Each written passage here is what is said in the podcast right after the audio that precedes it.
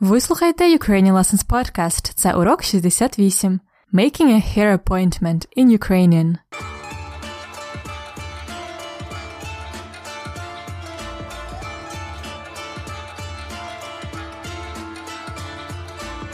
Привіт! Це Анна, ваша вчителька української з подкастом Уроки української.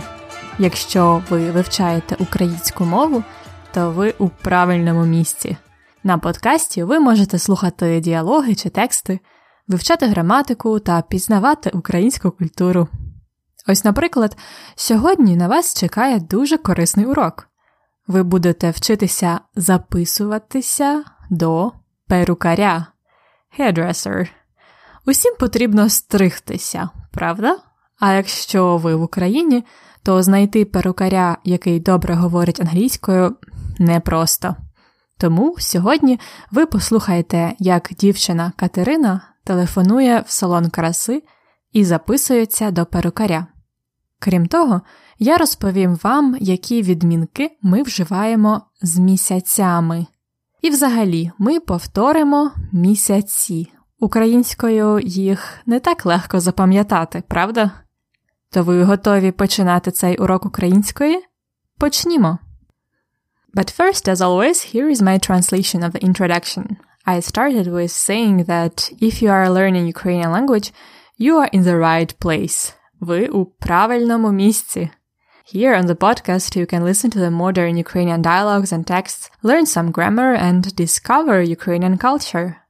Наприклад, for example, today you are going to have a very useful lesson, as you are going to learn how to make appointment at the hairdressers у перукаря. Everyone needs a haircut, right? You might know that in Ukraine it's not so easy to find a perukar who speaks good English. So in today's lesson, you will have an opportunity to listen to Katerina making a hair appointment over the phone. Besides, I will teach you the cases we use with the names of the months. And in general, we will review місяці months in Ukrainian as they are not so easy to remember, right? So, are you ready to begin цей урок української? Почнімо! Let's start with some vocabulary of the main topic of today. In my intro, I mentioned many times perukar. Perukar is a profession. It's a person who is a hairdresser or hairstylist. Perukar is a man. Perukarka, a woman. Повторіть. Перукар, перукарка. Typically, перукарі працюють в перукарні. Перукарня. Hairdressers. Перукарня. The usual service they provide in перукарня is стрижка. A haircut. Стрижка. It comes from the verb стригти. To cut. To cut hair. By the way, if you want to say that you need a haircut, you can say Мені треба підстригтися. Підстригтися. To get a haircut. Another service in перукарня is фарбування. Coloring. Фарбування. In general, фарбувати is to paint. You can also фарбувати стіни, walls or something like that.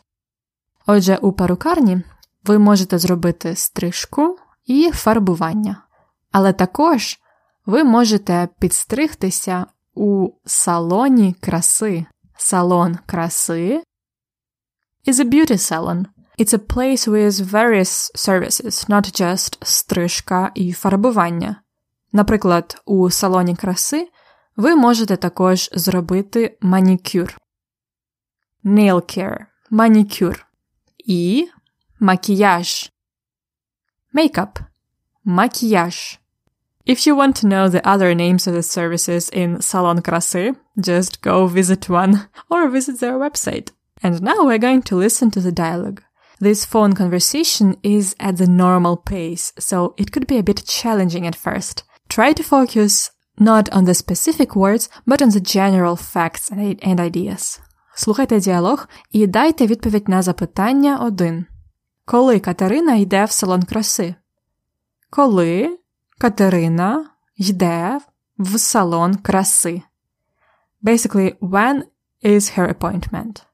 Коли Катерина йде в салон краси, слухайте перший раз. Салон краси Версаль. Як я можу вам допомогти? Добрий день. Я хочу записатися до Лесі на стрижку і фарбування. Е, Добрий день. Е, Нагадайте, будь ласка, як вас звати? Катерина Чубич. Хвилинку, Катерино. Леся у відпустці у лютому. Я можу записати вас до іншого перекоря або до Лесі у березні. м тоді до Лесі у березні. А може бути на початку березня? Так, вона повертається 1 березня. Вам краще вранці, вдень чи ввечері? Краще вранці. Можу запропонувати п'ятницю 2 березня о 9 годині. М, У п'ятницю я буду дуже зайнята. А можна якось на вихідних? У суботу, 3 березня. Е, Леся працює після обіду, а в неділю 4-го у нас вихідний. А в понеділок вранці? Може бути в понеділок о 9. Чудово, мені підходить. Тоді в понеділок, 5 березня о 9 годині. Чудово. Можна також записатись на манікюр після стрижки? Так, об 11 годині працює Марина. Добре, тоді запишіть мене до неї також. Е, Звичайно, тоді 5 березня о 9 годині стрижка фарбування і об 11 годині манікюр. Чудово, дякую дуже. Чекаємо на вас, Катерина. До побачення. До побачення. То коли Катерина йде в салон краси? Try to tell me a month or a day of the week or the whole date. Коли Катерина йде в салон краси?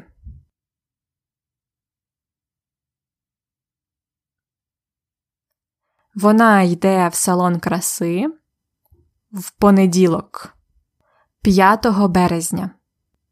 Повторіть. Вона йде в салон краси в понеділок, 5 березня. Добре, we will talk more about the dates a bit later. А зараз слухайте діалог ще раз і дайте відповідь на запитання 2. О котрій годині вона буде стригтися? І запитання 3. О котрій годині вона буде робити манікюр? Пам'ятаєте, о котрій годині from the last episode? At what time? О котрій годині вона буде стригтися? І о котрій годині вона буде робити манікюр. Слухайте вдруге. Салон краси Версаль. Як я можу вам допомогти? Добрий день.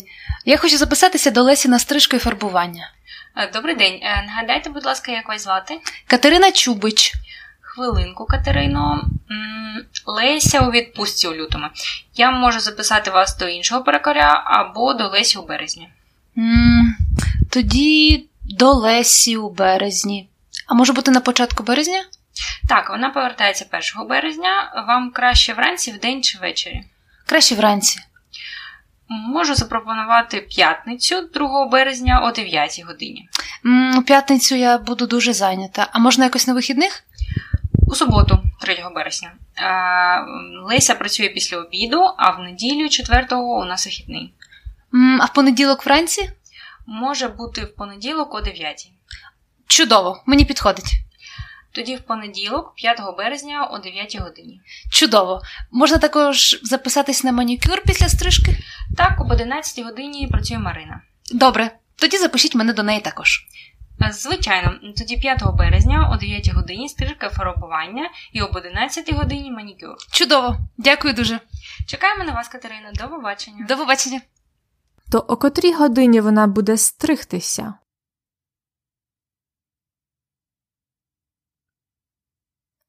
Вона буде стригтися о 9 годині. А о котрій годині вона буде робити манікюр?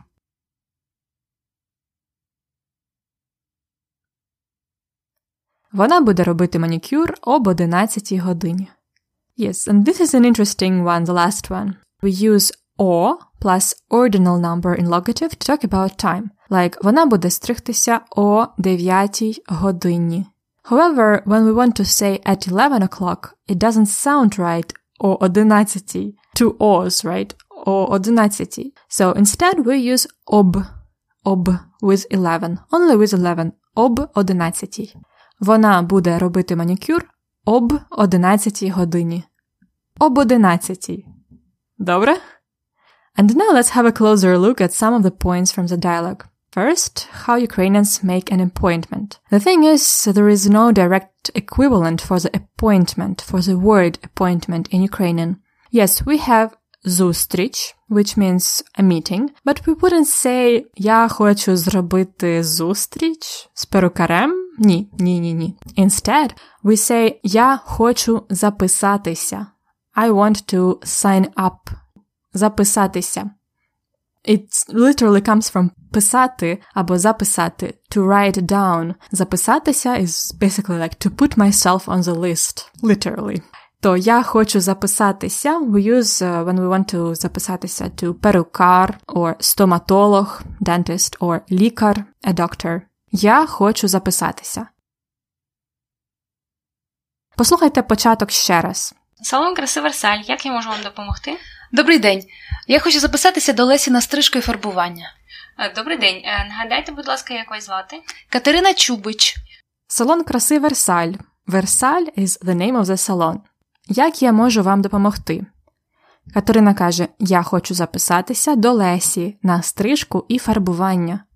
I want to sign up or to make an appointment with Леся до Лесі на стрижку і фарбування. For or to have a haircut and coloring. Послухайте ще раз.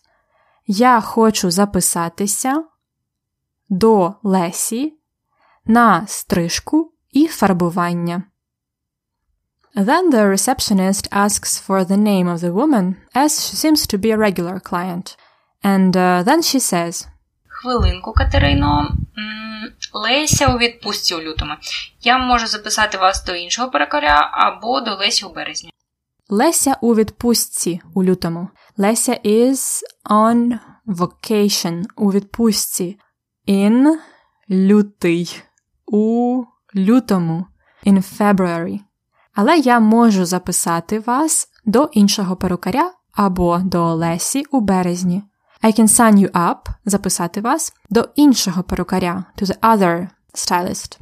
Або до Лесі у березні, or to Леся in March. Катерина вибирає до Лесі у березні. So let's see those months again. She says у лютому, у березні. Який це відмінок? Це місцевий відмінок, locative case. Over the last couple of episodes, we learned uh, how to use the locative with places and with time. Also, the locative is used with the names of months when we use them with the preposition u, v, in. There are a few things to remember though. First, one name of the month is special. It's like adjective. It is лютий, February. That's why лютий has the adjective locative ending, ому. That's why we say у лютому. Повторіть. У лютому. Secondly, almost all names of the months end with ень. Ень, січень, березень, квітень. And in different cases, the e at the end of the word drops, like січень у січні, березень у березні, квітень у квітні. Now you try. Травень у травні, червень, у червні, липень, у липні, серпень, у серпні, вересень, у вересні, жовтень, у жовтні, листопад, у листопаді. No e, so no e dropping. Грудень у грудні. Добре? These were the names of the months by order. То у якому місяці Леся буде у відпустці? У лютому. А у якому місяці Катерина буде стригтися? У березні. Добре. Отже, two women are discussing the date and time for the appointment. Для Катерини краще вранці. It's better in the morning for Катерина. Not вдень, in the daytime, вдень, чи ввечері, in the evening. Краще вранці. It's better in the morning. Краще вранці. У п'ятницю Катерина дуже зайнята. У п'ятницю. Just a quick reminder here. With the days of the week, we use the accusative case, but with the months, as we saw before, we use a locative. So у п'ятницю, but uh, у січні. Добре? So the receptionist says, У суботу, 3 березня. Е, Леся працює після обіду, а в неділю 4-го у нас вихідний. Note how we use the dates here. 3 березня. This is a genitive case. 3 березня. 3 березня Леся працює після обіду. On the 3rd of March, Леся works in the afternoon. Після обіду. А в неділю, 4 у нас вихідний. On Sunday, on the 4th, we don't work, we have a day off. Finally, they decide. Може бути в понеділок о 9. Чудово, мені підходить. В понеділок о 9 Катерина каже Мені підходить. This is a nice expression to say It's fine by me. It suits me. Мені підходить. So they decide в понеділок, в понеділок, accusative, 5 березня, genitive, о 9 годині, locative case. Sorry for so many cases. Remember, if you don't say the endings right, the hairdresser will still cut your hair and even smile more to you as a foreigner. At last, Катерина записується також на манікюр до Марини. Добре, тоді запишіть мене до неї також. Е, Звичайно, Запишіть мене до неї також. Sign me up to her also. Запишіть. Sign me up. Звичайно. Of course. So the whole plan is тоді, Then, 5 березня о 9 годині стрижка і фарбування. І об 11 годині манікюр. То як? Ви готові стригтися і робити манікюр? Спочатку послухайте наш діалог ще раз. салон краси Версаль, як я можу вам допомогти? Добрий день. Я хочу записатися до Лесі на стрижку і фарбування. Е, Добрий день. Е, Нагадайте, будь ласка, як вас звати? Катерина Чубич. Хвилинку, Катерино. Леся у відпустці у лютому. Я можу записати вас до іншого перекоря або до Лесі у березні. м тоді до Лесі у березні. А може бути на початку березня? Так, вона повертається 1 березня. Вам краще вранці, вдень чи ввечері? Краще вранці. Можу запропонувати п'ятницю 2 березня о 9 годині. У п'ятницю я буду дуже зайнята. А можна якось на вихідних? У суботу, 3 березня. Е, Леся працює після обіду, а в неділю 4-го у нас вихідний. А в понеділок вранці? Може бути в понеділок о 9. Чудово, мені підходить. Тоді в понеділок, 5 березня о 9 годині. Чудово. Можна також записатись на манікюр після стрижки? Так, об 11 годині працює Марина. Добре, тоді запишіть мене до неї також. Е, Звичайно, тоді 5 березня о 9 годині стрижка фарбування і об 11 годині манікюр. Чудово, дякую дуже. Чекаємо на вас, Катерина. До побачення. До побачення.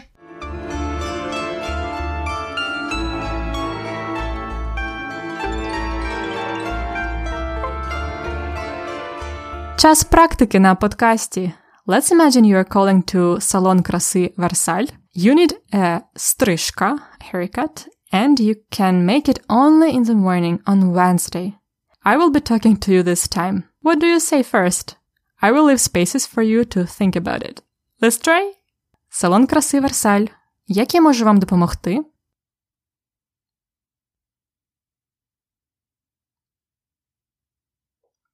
You could say Добрий день. Я хочу записатися на стрижку. Хвилинку.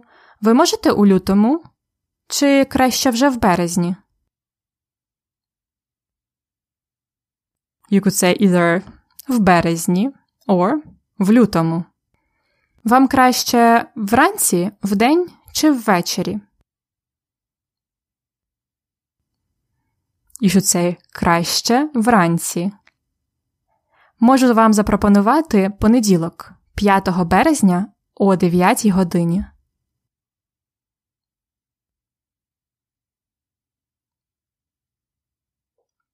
You should say you cannot on Monday. У понеділок я не можу. Краще у середу. It's better on Wednesday. В середу теж можливо. О 10 годині.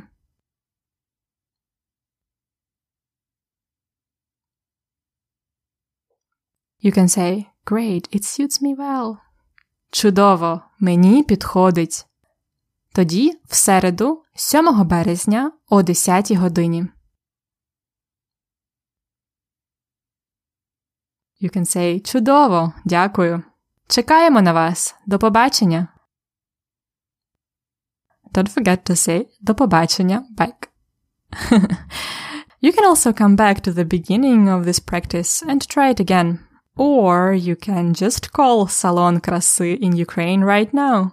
You can also practice playing with the dates and all those cases in the bonus exercise in the lesson notes of today's episode.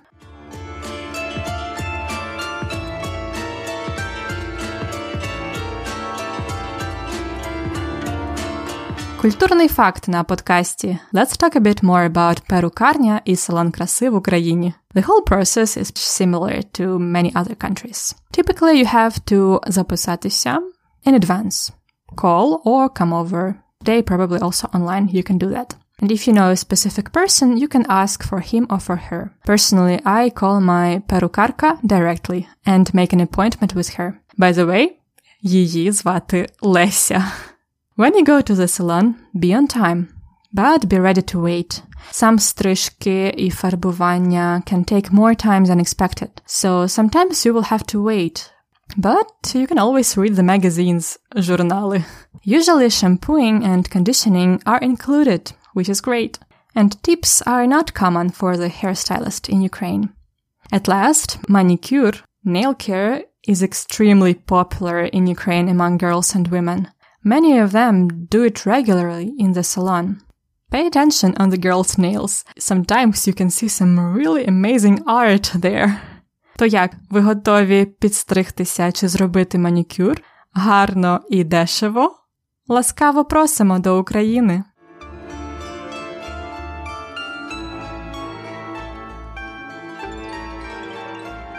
Це все. Сподіваюся, цей урок про салон краси стане вам корисним. Next time, guess what? We're going to talk about the last case in Ukrainian that we haven't talked about yet. You should listen, so subscribe if you haven't already. We are on iTunes, Stitcher, Android podcast apps. Plus, you can go to ukrainianlessons.com slash episode 68 and subscribe to our mailing list. I send the updates about myself and the project every two weeks. Also, if you haven't already, you can become a premium member to support the podcast and receive the lesson notes and flashcards to supplement these podcast lessons. Find out more at ukrainianlessons.com slash episode 68. ukrainianlessons.com slash episode 68. Бажаю вам всього найкращого. До наступного уроку. Па-па!